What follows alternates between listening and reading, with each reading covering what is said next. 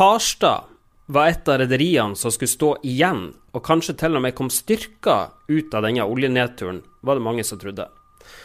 Nå skal du få høre fra en av de som til slutt var med på å sørge for at det ikke skjedde. Intervjuet er gjort under Sysla Live i Ålesund i høst, og vi går rett på introduksjon. Mitt navn er Gerhard Flåten. God fornøyelse. Med en liten flik av den totale gjelda har obligasjonseierne vist seg å være selve jokeren i mange av de gjeldsforhandlingene vi har vært igjennom. Én mann har gitt denne tidvis utskjelte gruppa et ansikt. Vi er veldig glad for å ha han med oss her i dag. Ta godt imot Tom Hestnes.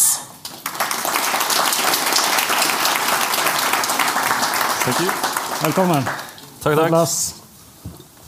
Jeg føler liksom settingen her blir sånn uh, dra på bortekamp i mindretall med partiske dommere. Men uh, skal gjøre så godt vi kan. Jeg skjønte jo her at uh, det er mange her som vet hvem du er. Ja. Jeg håper på godt. Uh, det er det vi skal prøve å belyse her i dag. tenkte jeg da. er du venner med, med alle? Ja, jeg, jeg, tror det. altså. Det har jo vært mange tøffe kamper rundt uh, forhandlingsbord og, og styrerom, men det, det, er jo viktig at det er jobben vår som også for så vidt Per var inne på. Det er jo min jobb å ivareta mine andelseieres penger. Og det var det behov for i 2016 å sette også et offentlig lys på. Du har vært uh, en del ute i, uh, i media og sagt mm. det, blant annet. Du er altså senior porteføljeforvalter i Alfred Berg kapitalforvaltning. Mm. Um, jeg intervjua deg for ganske nøyaktig ett år siden. Mm. Da sa du at uh, denne gangen nekta du å være dritten i midten. Hva mente du med det? Ja, Ikke for så vidt meg, men uh, egentlig obligasjonseiere. Det, det, begynte egentlig med en kronikk i, i, juni 15, rett etter jeg begynte, hvor vi så konturene og forutsa egentlig at vi ville få en perfekt storm innenfor olje og gass. Og når olje og gass på det tidspunktet utgjorde så stor andel av obligasjonsmarkedet, så er det klart at eh, her bør man sette seg sammen og samles i forkant og sette noen enkle, enkle kjøreregler og kriterier for for hvordan vi som eh, kreditorgruppe skal eh, kunne takle den situasjonen som skulle, skulle oppstå. Så vi var eh, egentlig tidlig primus motor for å sette opp møter med GIEK og banker og obligasjonseierne seg imellom. og da klarte jeg også i samme, i samme kronikk å dra parallellen til behandlingen av usikrede kreditorer som dritten i midten. og det har jo på en måte blitt egentlig selve definisjonen av det vi har vært igjennom. Kort. Vi skal komme tilbake til det senere. Ja. Det, det, dere gjør her, er altså at dere for å sette på spissen, kjøp gjeld i skadeskutte selskaper for å tjene penger. Og profitere på andres elendighet, som noen kanskje ville sagt. Hvilke tanker gjør du deg om det? Har du noen betenkeligheter ved det? Den første tanken er at det er en veldig sånn tabloid Se og Hør-kontekst eh, på den vinklingen der. Så men for å sette det litt i perspektiv altså vi, eh, vi, eh, Det fondet vi har, for å gjøre litt reklame for det også vi, eh, Her får du to forvaltningsstrategier i én, faktisk. Ved at vi driver med ordinær renteforvaltning, men også da er blant de få i, i, i Norge som historisk har da jobbet innenfor value opportunities eller distressed. Du, du kaller det skadeskutte selskaper. Vi kaller det sterkt undervurderte eh, Eller selskap med sterkt eh, undervurdert eh, kapitalprising. Som det har vært et tomrom i landet for å aktivt ønske å ta en del av. Som også da har vært sammenfallende med vår hypotese om at obligasjonseierne historisk sett har tatt uforholdsmessig store tap. noe vi har ønsket å påvirke for også da kunne ta ut merverdien i de situasjonene. Det klarte du altså å gjøre et litt vanskelig spørsmål om til en reklame. Det er godt gjort. Ja, ja, ja. Og For leser du overskriften, så skulle du jo tro at Alfred Berg har tapt en formue der vi har stått egentlig i bresjen for hvert eneste selskap med problemer. Men uh, det, det, har faktisk uh, vært uh, profitabelt. Mm.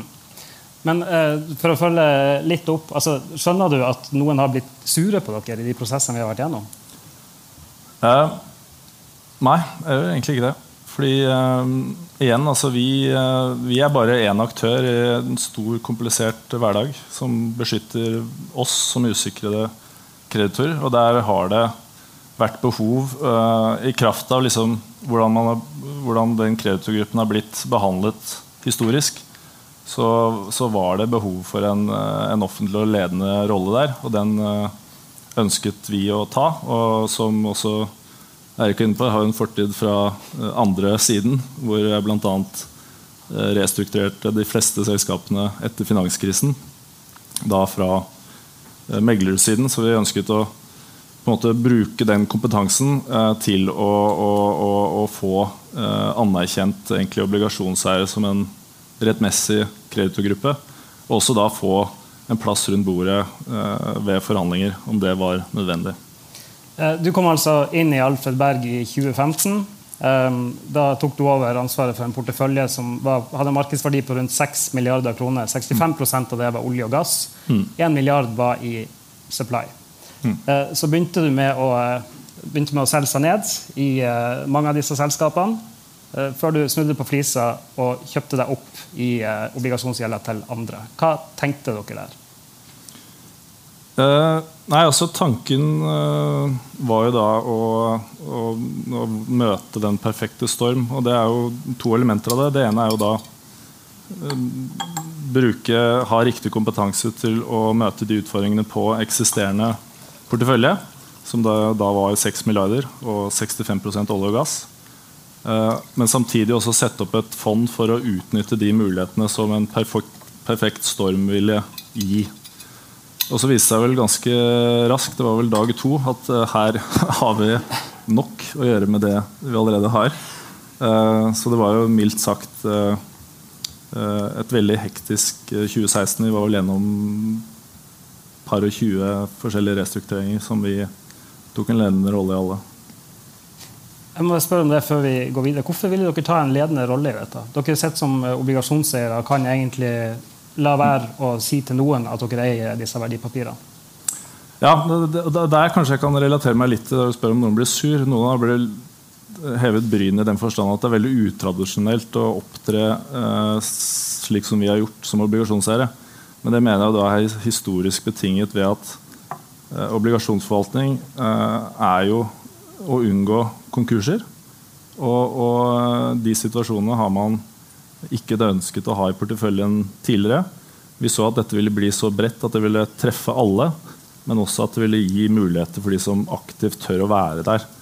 Eh, for det er jo klart, eh, når, eh, når disse papirene ingen vil ha, som er mer en sånn renommé-risiko man ikke ønsker å bære videre, så ser jo vi det som gode kort eh, å ta over. Mm. Vi skal snakke litt om uh, de konkrete selskapene. Du sa at dere satt i 22 restruktureringer. Mange av de vet vi om. Uh, for eksempel, eller mange av de, i hvert fall noen. Mm. Uh, for å ta Havila. Vi har hørt Per og Njål Sævik fortelle om hvordan den restruktureringsprosessen har vært fra deres ståsted. Hva, hva tenkte dere med Havila? Hva var posisjonen deres? Hva gjorde dere? Ja, altså Havila eh, syns jeg er kjempeinteressant. Altså, vi, eh, vi, eh, vi, så jo heldigvis den situasjonen komme. Altså, Havila hadde et veldig jeg skal ikke bruke håpløst, men komplisert utgangspunkt sånn kapitalstrukturmessig. Med, det var vel nevnt 11-12-13 banker med GIEK. Du hadde bank på sikret og usikret basis, og i tillegg to sikrede obligasjoner i to forskjellige båter og en usikret obligasjon på, på, på mornivå. Som, som, jeg for så vidt har egentlig bare kalt suksessformelen for kaos. Eh, altså, som jeg mener i positiv forstand. det er utrolig vanskelig å lande. Så, så, vi så en prosess hvor dette ville som prosessmessig ville bli tungt. Eh, så vi Uh, valgte jo da å holde oss utenfor situasjonen til egentlig på forsommeren 2016, hvor det så mørkest ut. Uh, da gikk vi inn og kjøpte oss opp i den beste asseten deres, en Havila Subsea-båten. Ja, den, den, var altså da finansiert i hvert fall delvis med et sikra obligasjonslån, som vil si at de som sitter med det obligasjonslånet, hvis alt kommer til alt, kan ta, realisere pant i båten, ta over båten. Ja. Og det tror jeg dere gjorde med å gjøre flere ganger. Hvorfor tror ja. dere med det? Nei, altså truet Det er altså litt av motivasjonen. Vi, eh, vi, eh, vi, gjør en analyse av forventet eh, exit-pris på det vi går inn i. Og Um, Havila Subsea er et godt eksempel på ting som var fullstendig feilpriset når det brant som verst. Fortell litt om det. Ja, Vi jobbet med kjøpsinteresser av båten på utsiden til en verdi av rundt 350 millioner på den tiden. Som da vil gi en recovery på 70% av par i forhold til lånets størrelse. Så det er jo klart å kjøpe det på 40% i markedet var jo veldig billig. Så da vil dere rett og slett kjøpe de papirene for å selge de dyrere senere? Enkelt og greit. Ja. Og da var vi Da var vi en periode vi vurderte å Selskapet var jo i en lånebrudd, og vi vurderte å, å, å erklære konkurs og ta over pantet. Men det ville også da velte hele Havila på det tidspunktet. Og den byrden ønsker vi heller ikke å ta. Vi er så kapitalister er vi ikke. Men vi ble vel egentlig enige med, med Per og Njål på bakgrunn at de kunne bruke den Eh, anmodningen vår om konkurs til å få fart i forhandlingene internt. Og det mener jeg vi bidro til. Så vi var litt sånn good cops, føler jeg da der. Good cop der. Ok, så dere, Men ville det isolert sett vært bedre økonomisk for dere å faktisk tiltre dette pantet, ta over båten? På, på det tidspunktet, ja. Det ville det. Men uh, vi så jo de verdiene komme over tid, og det har de også gjort. Så vi, vi, har, uh, vi solgte oss ut av den nå på forsommeren. Hvordan ser uh, regnestykket ut der, deres engasjement i Avila? Nei, det, var, det, det, var, ikke noen stor investering. Vi hadde vel rundt eh, 50 mil påliggende uh, obligasjoner. Så ja, 20 millioner, kanskje. Dere tjente på det? Ja. ja. Som vi for øvrig har reinvestert i Havila Klipper, som er en meget god obligasjon.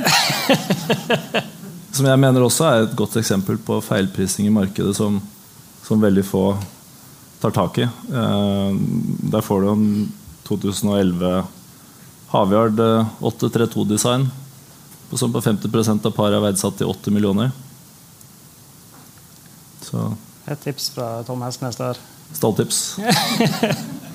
du, um, det var også andre obligasjonseiere inne i Havila som vi har uh, hørt Njål Sævik uh, fortelle om.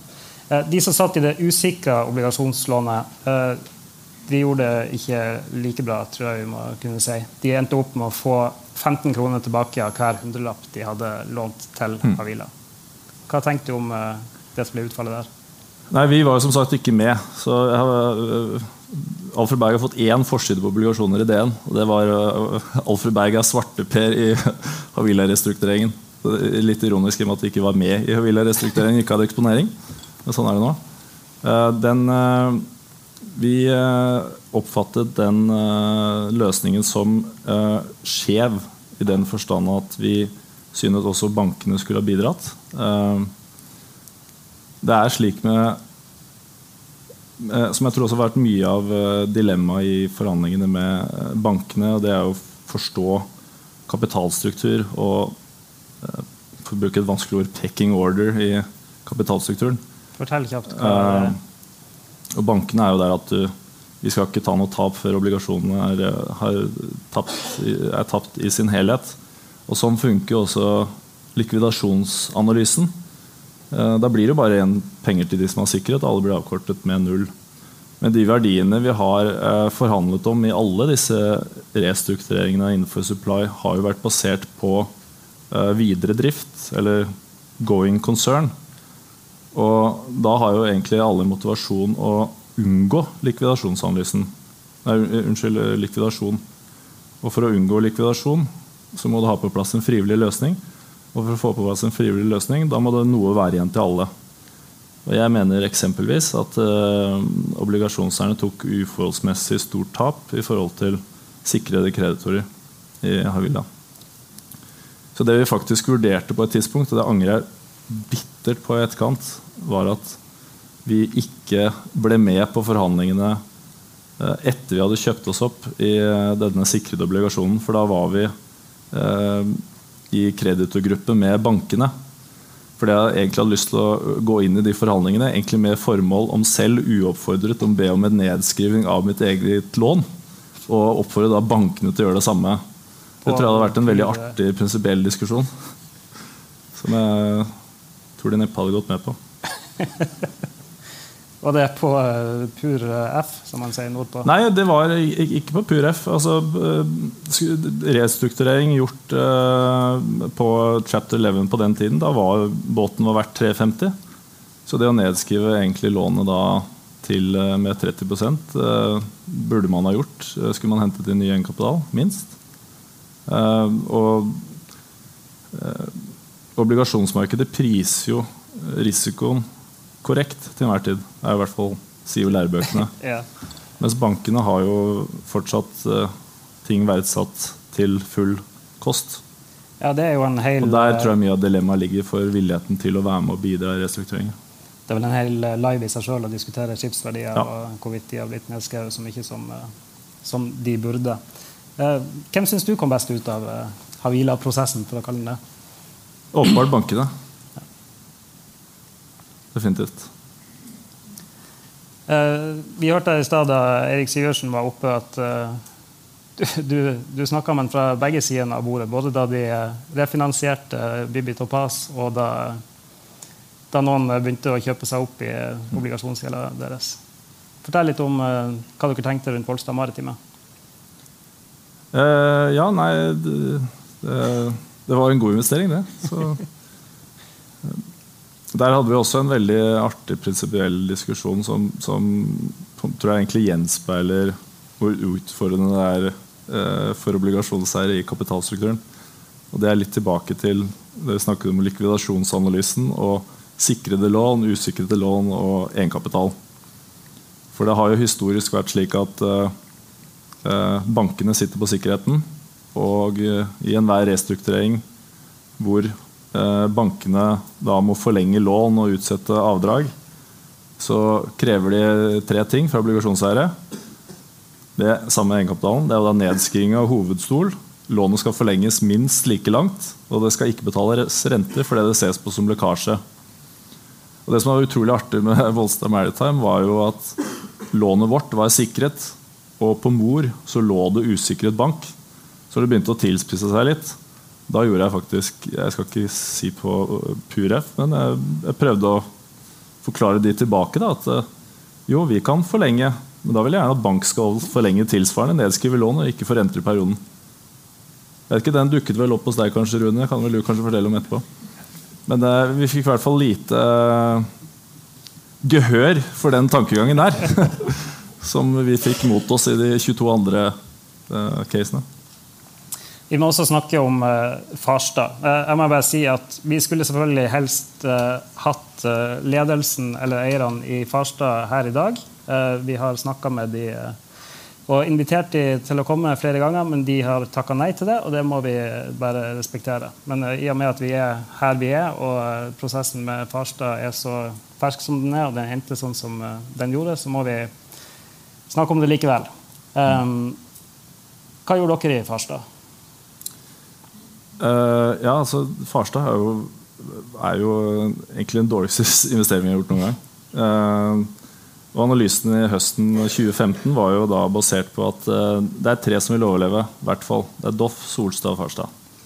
Og Farstad var på den tiden hadde et lån som var priset veldig lavt. rundt 50% av pålydende.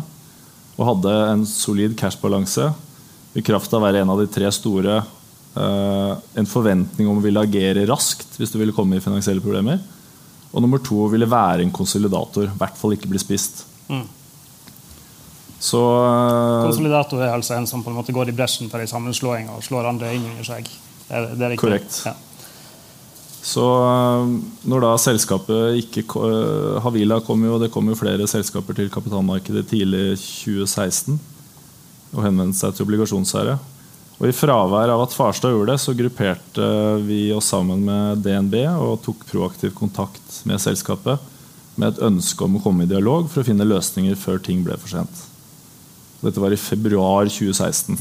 Da kommer kreditorene til deg og sier vi forstår situasjonen. Vi ønsker å være med og, diskutere hva som må til for å sikre liksom, finansiell overlevelse. Jeg fikk vel tilbake takk. Takk. Det var veldig kort, den mailen. Eh, og selskapet annonserte jo ganske raskt senere at de ville se på en restrukturering. Hadde engasjert på vel tre eller fire rådgivere. Fortsatt hørte vi ingenting. Vi gjentatte ganger var på selskapet øh, for å få også obligasjonseierne inn som en gruppe. Det er liksom helt utrolig at man liksom på en måte ikke anerkjenner øh, obligasjonseierne som en kreditorgruppe. Før da i var vel så vidt litt i september og november, hvor da vi ble invitert uh, til dialog, hvor dialogen egentlig var uh, Vi har funnet én ankerinvestor. Det er Siem. Han har følgende forslag på bordet. Og I mellomtiden så hadde selskapet brukt nesten en milliard av cashbalansen sin. Så, altså så situasjonen var prekær. Ja. Eh, her er en periode på, på åtte måneder fram til november 2016. Um, ja, mer enn åtte måneder, det er nesten et år. Mm. Og da har Kristian uh, uh, vært her, lansert en plan om å gå inn med 1 milliard. Uh, skal ha 51% av Farstad, hvis jeg ikke husker feil. Um, på det tidspunktet var det 1,4 milliarder totalt i usikra obligasjonsgjeld, mener jeg. Mm. Dere sitter med en chunk av dette. Nå vet jeg nøyaktig hvordan den avtalen eh, så ut for dere. Men det, det, var jo, det som lå her, var at dette skulle konverteres til egenkapital. Og hvis vi ser på hva som ble, ja. ble enden på viset her, så eh, går jo eh, Farstad inn i Solstad Farstad, blir uh, med Aker-systemet bak. Og der ender dere også opp med å konvertere til egenkapital. Så spørsmålet mitt er egentlig var den dealen dere fikk med Siem, dårligere enn den dere fikk med Aker? Det, det var den åpenbart. Uh, vi det første forslaget vi fikk, det var så, det var så ubalansert både på uh, verdier, men også argumentasjonen rundt, som ga en slags sånn åpen klarhet i fullstendig inkompetanse rundt hva obligasjoner er, og, og kapitalstruktur. Så vi tok det nesten ikke seriøst. Uh, og eh, det endte jo med at han satt hatt mot hardt. Eh, det er det klassiske konkursspøkelet som dukker opp. Eh, vi kunne rett og slett ikke akseptere den transaksjonen, for den var, det var voldtekt av usikrede kreditorer. Det gjorde at vi for en gangs skyld faktisk kom i nærmere dialog med bank. Fordi den usikrete gjelden viste seg legalt å ha ikke trumfkortet i strukturen, men dro eh, Hvis obligasjonene erklærte konkurs, så var eh, selskapsstrukturen slik at alt kollapset. Og, og egentlig alle kontraktsparter til eh, Farstad hadde simultant blitt fristilt. Og, og alle ville vært store eh, tapere. Så eh, vi inngikk en, eh, et samarbeid med, med, bankene for første gang om å legge en alternativ plan. Siem kommer selvfølgelig uoffisielt inn her i en runde to for å forsøke å komme seg inn igjen. Jeg bare skyte inn her at Vi har også invitert Kristian Siem til å være her i dag. Han har også takka nei til det. Det er vi selvfølgelig å le oss for, men sånn er det. Ja. Og eh, vi gikk sammen med bankene om å finne en eh, åpen kapitalmarkedsløsning. Som egentlig da vil si en, en restruktureringsløsning hvor du går til markedet og henter inn egenkapital uten ankerinvestor. Og det var vel tror jeg, dagen før uh, den skulle gå i markedet, at vi fikk en uh, felleskall, vi fire obligasjonseierne fra Aker Fredriksen, som ønsket egentlig å bare tre inn i den avtalen og ta over. Du, jeg må stoppe deg litt der. Du må fortelle litt mer om det som skjer før Aker og Fredriksen kommer inn. Hvordan ser det alternativet ut? Da har dere altså jobba dere videre fra dere ønska ikke Siem-sporet. Mm. Eh, dere ønska noe annet. Hvordan så det her ut? Ja, Der tar du meg litt på senga, for det, det, det kommer jeg til å blande med tolv andre case. Men eh, det er en, ganske identisk med slik det endte opp. Det var full konvertering.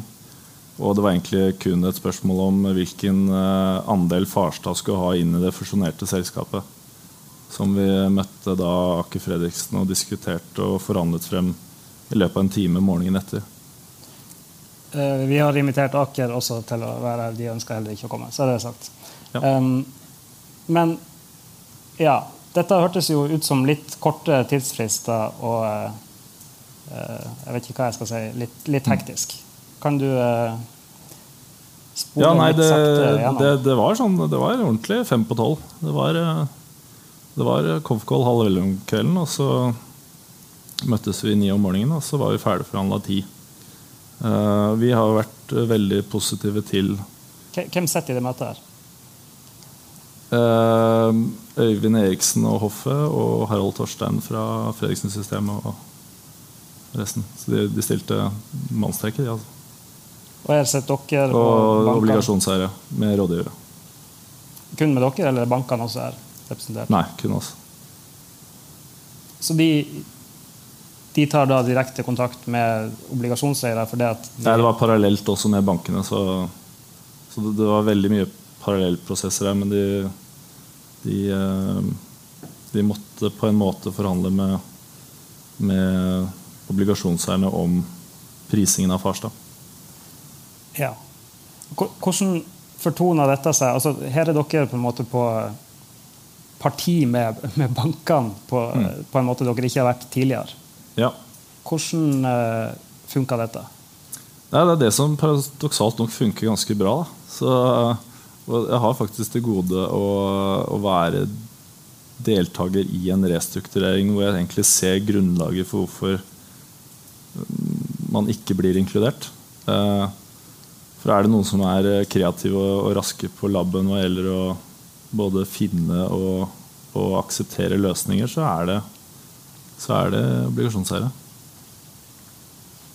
Jeg har eh, invitert per kronikk og én til én at man bør nå i etterkant av det vi har vært gjennom, egentlig sette seg ned egentlig et forum med representert av alle stakeholders for å dra litt lærdom av det vi har vært igjennom, og se hvordan man liksom prosessmessig kan gjøre det mer eh, håndterbart og balansert neste gang.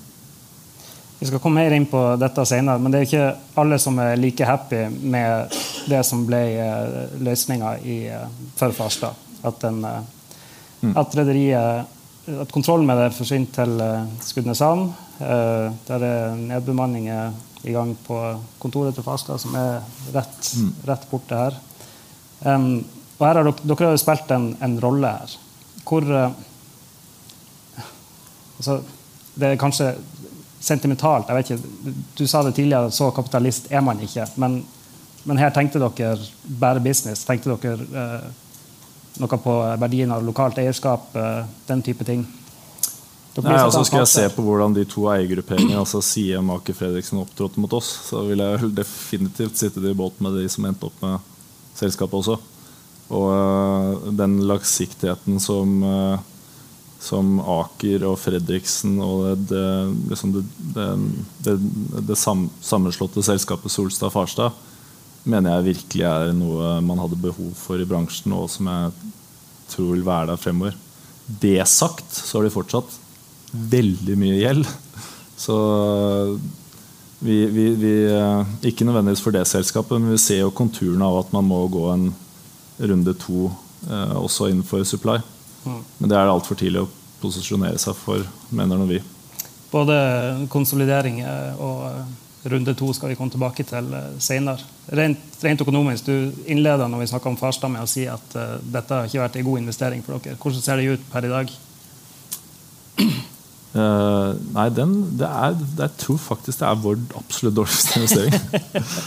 Men igjen så er jo det litt av businessmodellen når du, når du jobber med distressed. Så summa summarum på de 22 vi har vært deltatt i, så har vi svært positiv avkastning. Mm. Men eh, det, det var eh, jeg tror jeg var 50 millioner altså, i første. Ja. Kjapt til slutt nå. Dere, eh, har dere posisjonert dere for flere restruktureringer? Eh, ja. Det, det er jo ikke bare i Norge ting skjer. Det er jo masse eh, sektorer som er eh, interessante fra den vinklingen. Og nå eh, har du jo eh, på vindkraft eksempelvis. Eh, og så ser vi det, er veldig morsomt å si det egentlig i denne setningen, fordi, eller parallellen blir enda klarere. Og, og Per var inne på det innledningsvis. altså Tilgang til kapital har noe negativt i seg. Og, og, det, og det er at uh, ting kontraheres og det bygges for mye. Uh, og, og, i en bransje i vekst så, så, vil det der på en måte gi seg selv hvor, hvor ender. Og den parallellen eh, kan vi også se faktisk i det svenske eiendomsmarkedet. Eh, som nå har vokst på linje med supply innenfor obligasjoner på den tiden til en av de største sektorene på nordisk basis eh, på, usikret obligasjonsgjeld. I et uh, marked som har en sinnssyk vekst, og hvor da du får disse mindre marginalaktørene ut på bakgrunn av tilgangen til kapital i uh, obligasjonsmarkedet. Hvis du har tid til én episode til, anbefaler jeg intervjuet med Eirik Syversen. Finansdirektøren i Volstad Maritime klarte med et nødskrik å forhindre at Ålesund-rederiet gikk dukken. Og hvis du vil høre den smått utrolige historien, finner du den her på kanalen Sysla Shipping. Vi setter som alltid pris på om du tar deg tid til å legge igjen ei vurdering av denne podkasten, og har du tips eller innspill, send du det til gf1maritime.no. Takk for at du hørte på.